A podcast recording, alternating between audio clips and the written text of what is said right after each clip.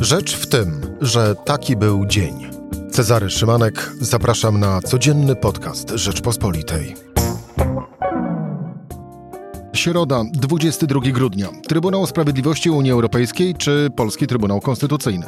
Zbigniew Ziobro czy Wera Jurowa? Wolne sądy czy Ministerstwo Sprawiedliwości? Do kogo należał rok 2021? Kto był bohaterem, a kto tym złym?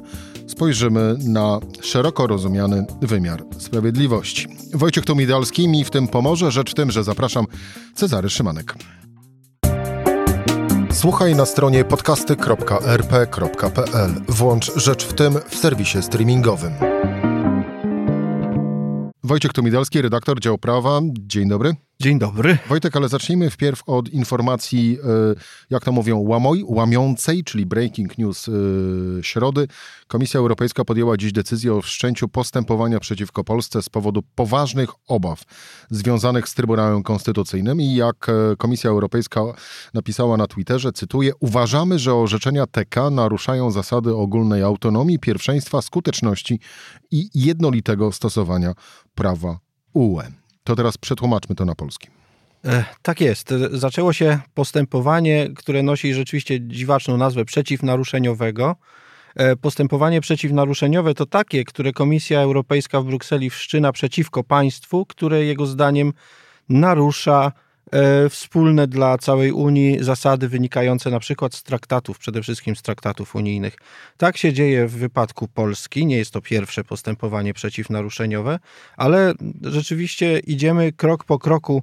Zaczęło się od postępowań przeciwnaruszeniowych w przedmiocie e, e, różnych rzeczy sądowych na etapie sądu powszechnego. Potem byliśmy w Sądzie Najwyższym i kwestie związane z całym systemem dyscyplinarnym, na szczycie którego jest Izba Dyscyplinarna usytuowana w Sądzie Najwyższym. No i tak się mówiło, że może to dojdzie kiedyś do tego, że Komisja Europejska zakwestionuje to, co wyrabia Trybunał Konstytucyjny. I faktycznie doszło do tego. Chyba niewielu spodziewało się, że jeszcze, przed, jeszcze w tym roku, jeszcze przed świętami nastąpi taki ruch, ale cóż, nie tak dawno temu w Polsce był komisarz sprawiedliwości unijny Didier Reinders, e, Belg, e, którego minister Ziobro podejmując i wręczając mu, i wręczając mu fotografię zniszczonej Warszawy być może potraktował jako Niemca, trudno powiedzieć też na jakiej podstawie. W każdym razie, no, jako tego przedstawiciela najeźdźców, tak? Którzy... No, okupantów, bo tak się mówiło. Okupantów. O, o brukselskich okupantach. No cóż, e, komisarz Reinders przyjechał do naszego kraju po to, by prowadzić dialog i wyjaśniać różne sprawy związane z nieporozumieniami na, e, na, na tle praworządności. No ale nie udało mu się ich wyjaśnić. Potraktowany został tak, jak został.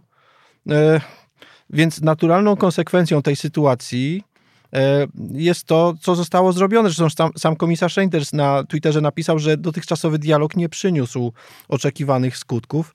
E, jakie są kroki, to przecież nie kto inny jak nasz kraj powinien wiedzieć dobrze, bo nie ćwiczymy tego po raz pierwszy. Wiadomo, że jest postępowanie przeciwnaruszeniowe. Wiadomo, że Polska, rząd w Warszawie ma dwa miesiące na odpowiedź na pytanie, co zamierza z tym fantem zrobić. Potem y, są dalsze możliwości w postaci y, wystąpienia do Trybunału Sprawiedliwości Unijnego o nałożenie kar finansowych.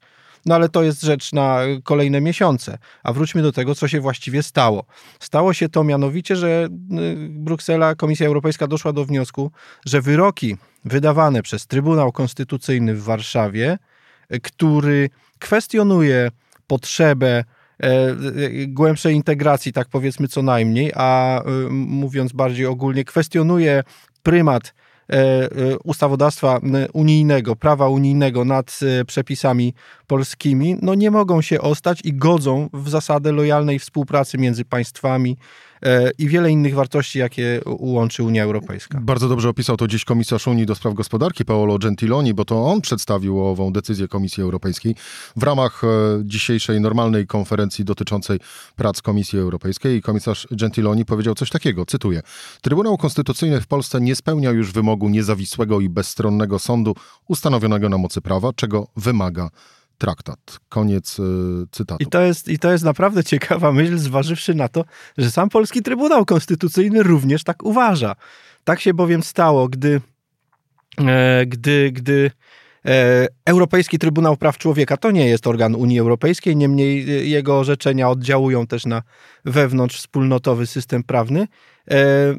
Rozprawiał się z taką sprawą, ze skargą polskiej spółki Xeroflor, która poskarżyła się do Strasburga na to, że jej sprawę w Trybunale Konstytucyjnym rozpoznał e, e, profesor Mariusz Muszyński, zwany sędzią dublerem, bo jest wybrany na zajęte miejsce w Trybunale e, poszli do Strasburga i usłyszeli, że tak, rzeczywiście w tej sytuacji należy uznać, że Trybunał Konstytucyjny tak skonstruowany narusza Europejską Konwencję o Ochronie Praw Człowieka, bo nie jest niezależnym sądem.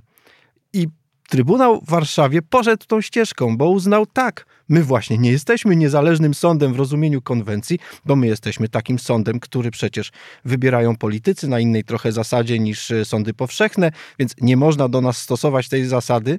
No, no i zrobiło się dziwnie, bo z tym coming outem e, trudno się ostać e, w wewnętrznoeuropejskiej strukturze e, sądów konstytucyjnych. Nikt do tej pory nie kwestionował, że Trybunał Konstytucyjny może być czymś innym niż tym, czym jest, czyli niezależnym od polityki organem, który osądza zmiany w prawie.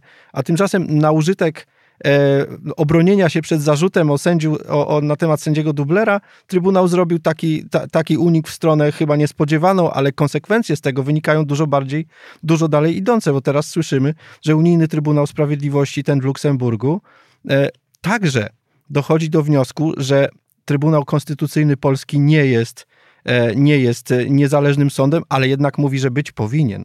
I tutaj mamy kłopot.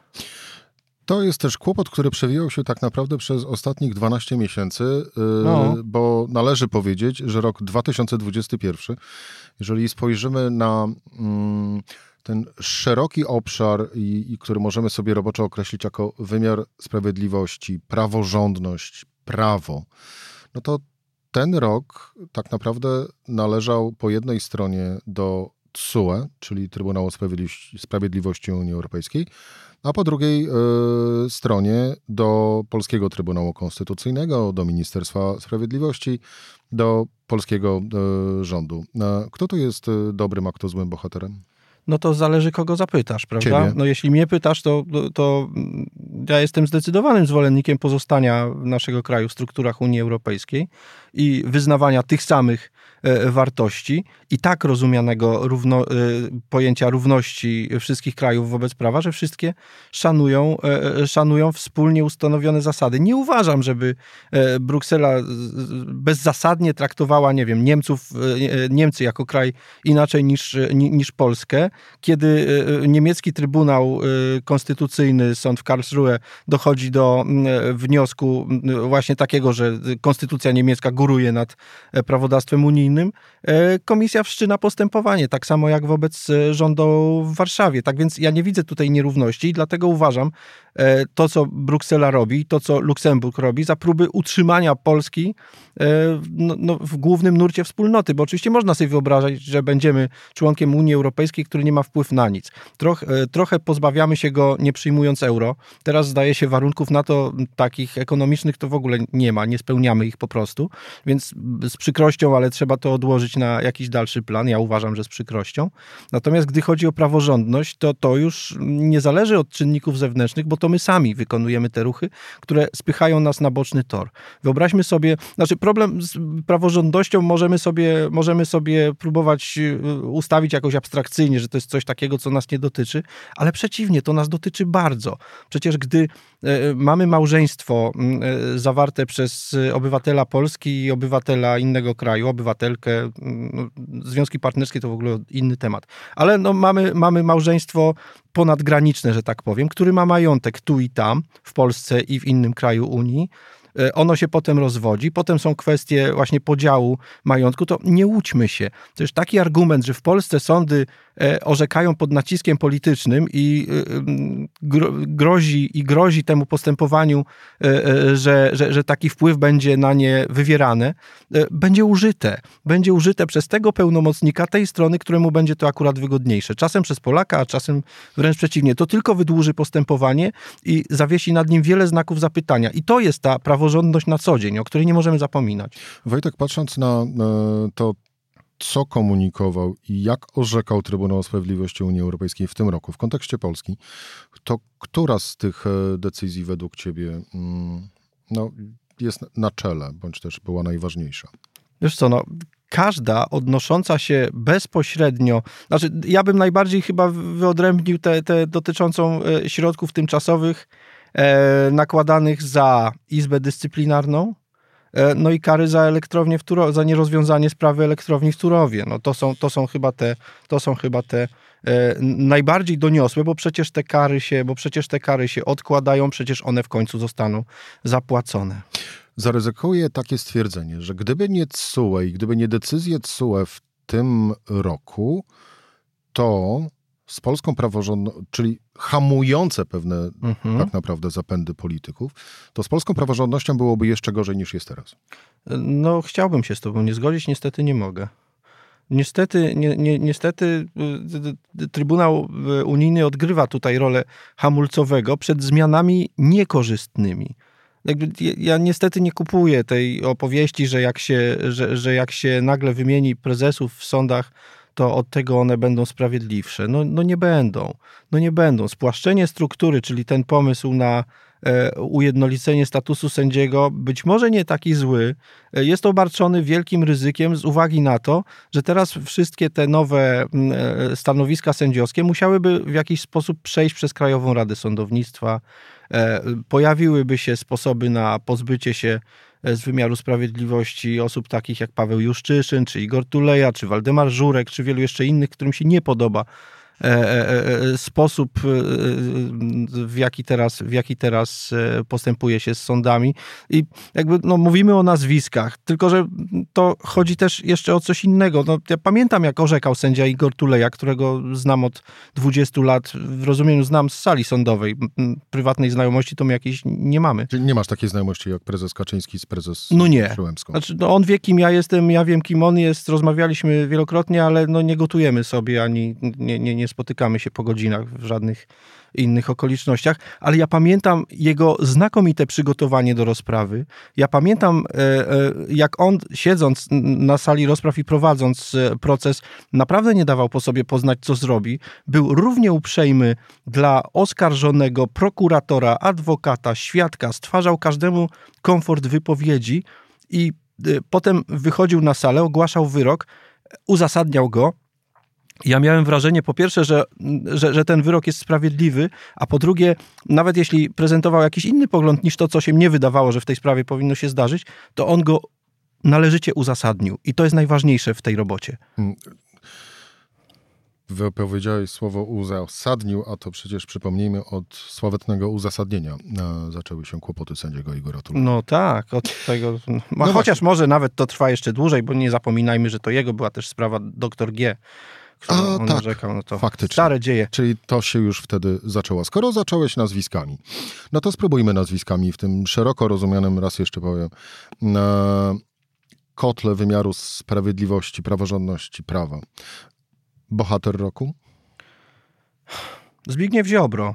Antybohater roku? Zbigniew Ziobro. To teraz uzasadnienie. Bardzo proszę.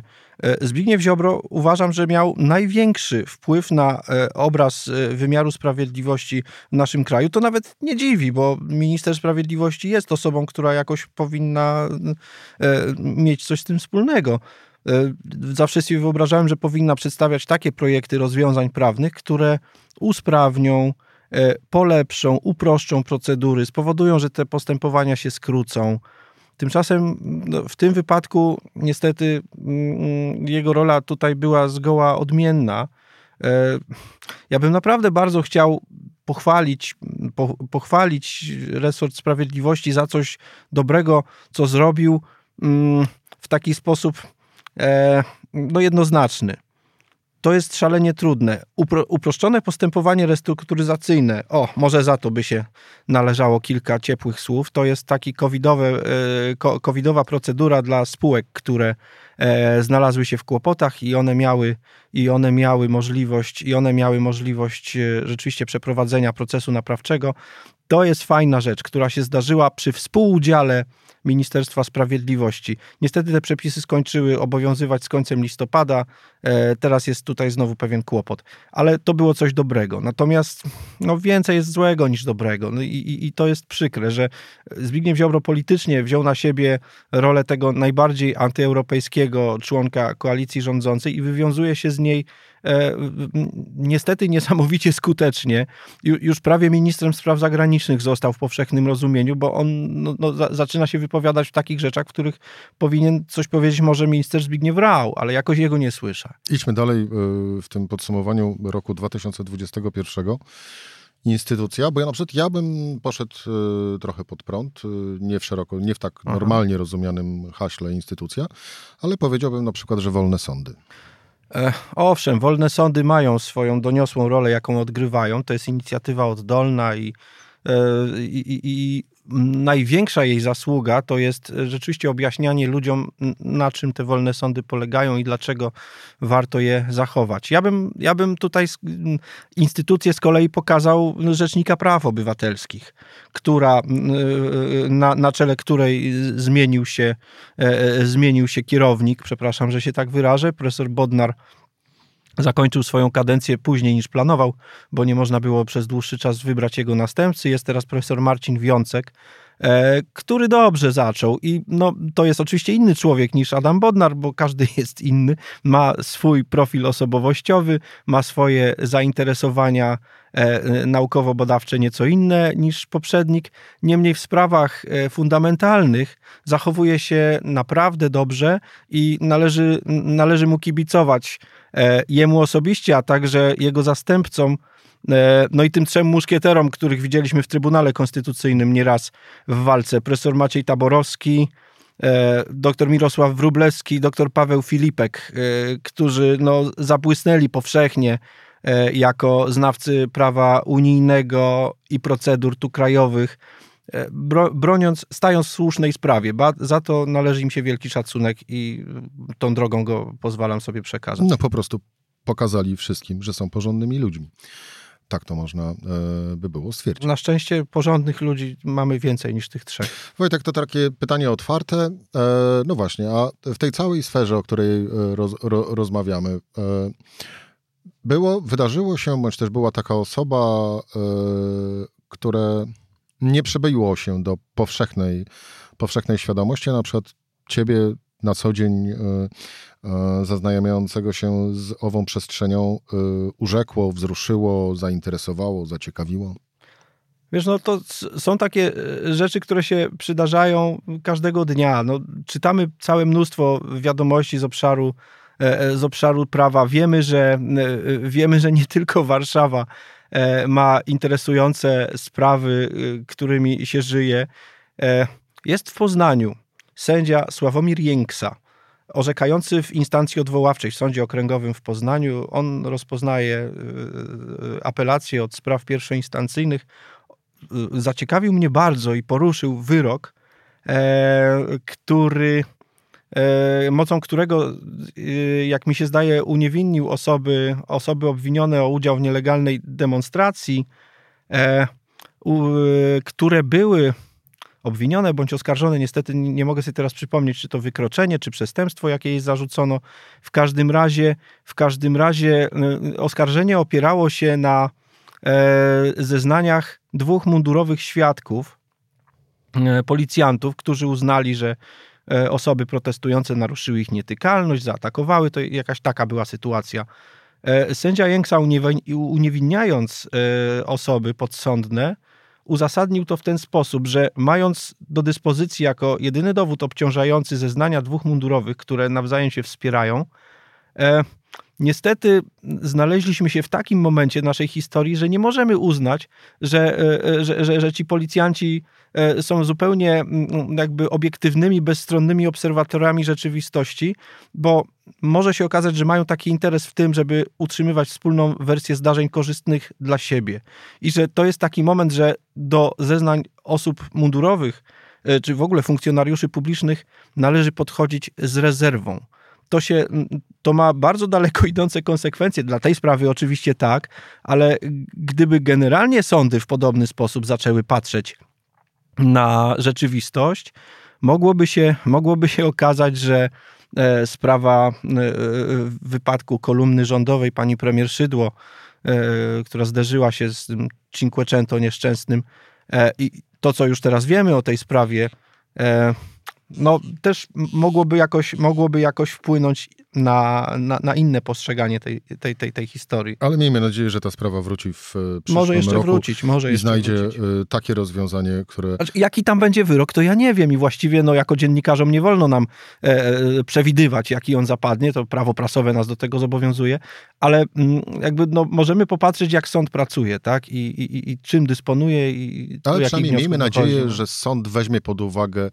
wszystkie. E, Taki ma obowiązek, wszystkie okoliczności. Okoliczności, i, rzeczywiste okoliczności. Tak jest, o to chodzi. E, Wojtek, to teraz, no bo szanowni Państwo, skoro jest Wojtek, to znaczy, że jest również i muzyka, e, więc e, trochę odwrócimy kolejność. Wojtku, ja teraz Ci podziękuję za rozmowę. Wojciech Tumidalski, dział prawo. Bardzo dziękuję. Wszystkiego dobrego a, na świętach i Nowy Rok. A Ty teraz zapowiesz, czym się pożegnamy.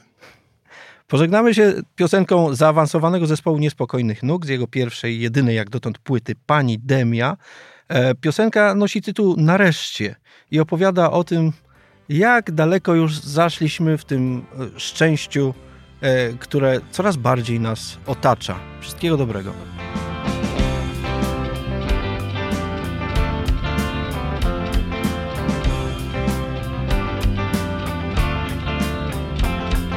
Nareszcie jesteśmy u siebie.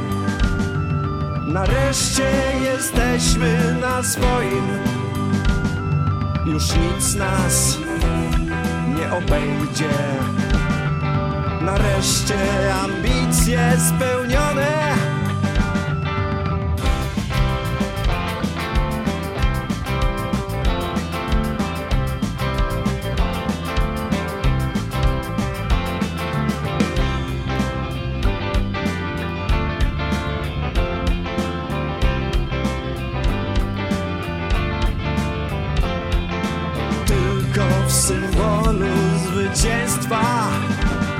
Nasza twarda ręka się zgina. Prawdziwa wolność panuje. Gdy twardo za mordy trzyma Doczekaliśmy się Doczekaliśmy się Doczekaliśmy się. Na własne życzenie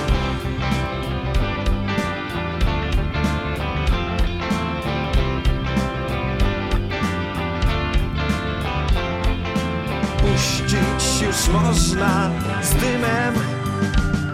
Ostatnie swobody, przeszkody. Nie trzeba już znosić murów. Kto chce, niech się od nas odgrodzi. Doczekaliśmy się. Doczekaliśmy się. Doczekaliśmy się. Na własne życzenie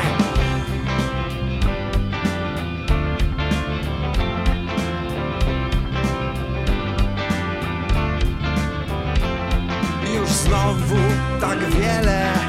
Wolno. Już czasy minione wróciły. Nareszcie pod znakiem wała. Nareszcie wolno dyszymy. Doczekaliśmy się. Doczekaliśmy się. Doczekaliśmy się na własne życzenie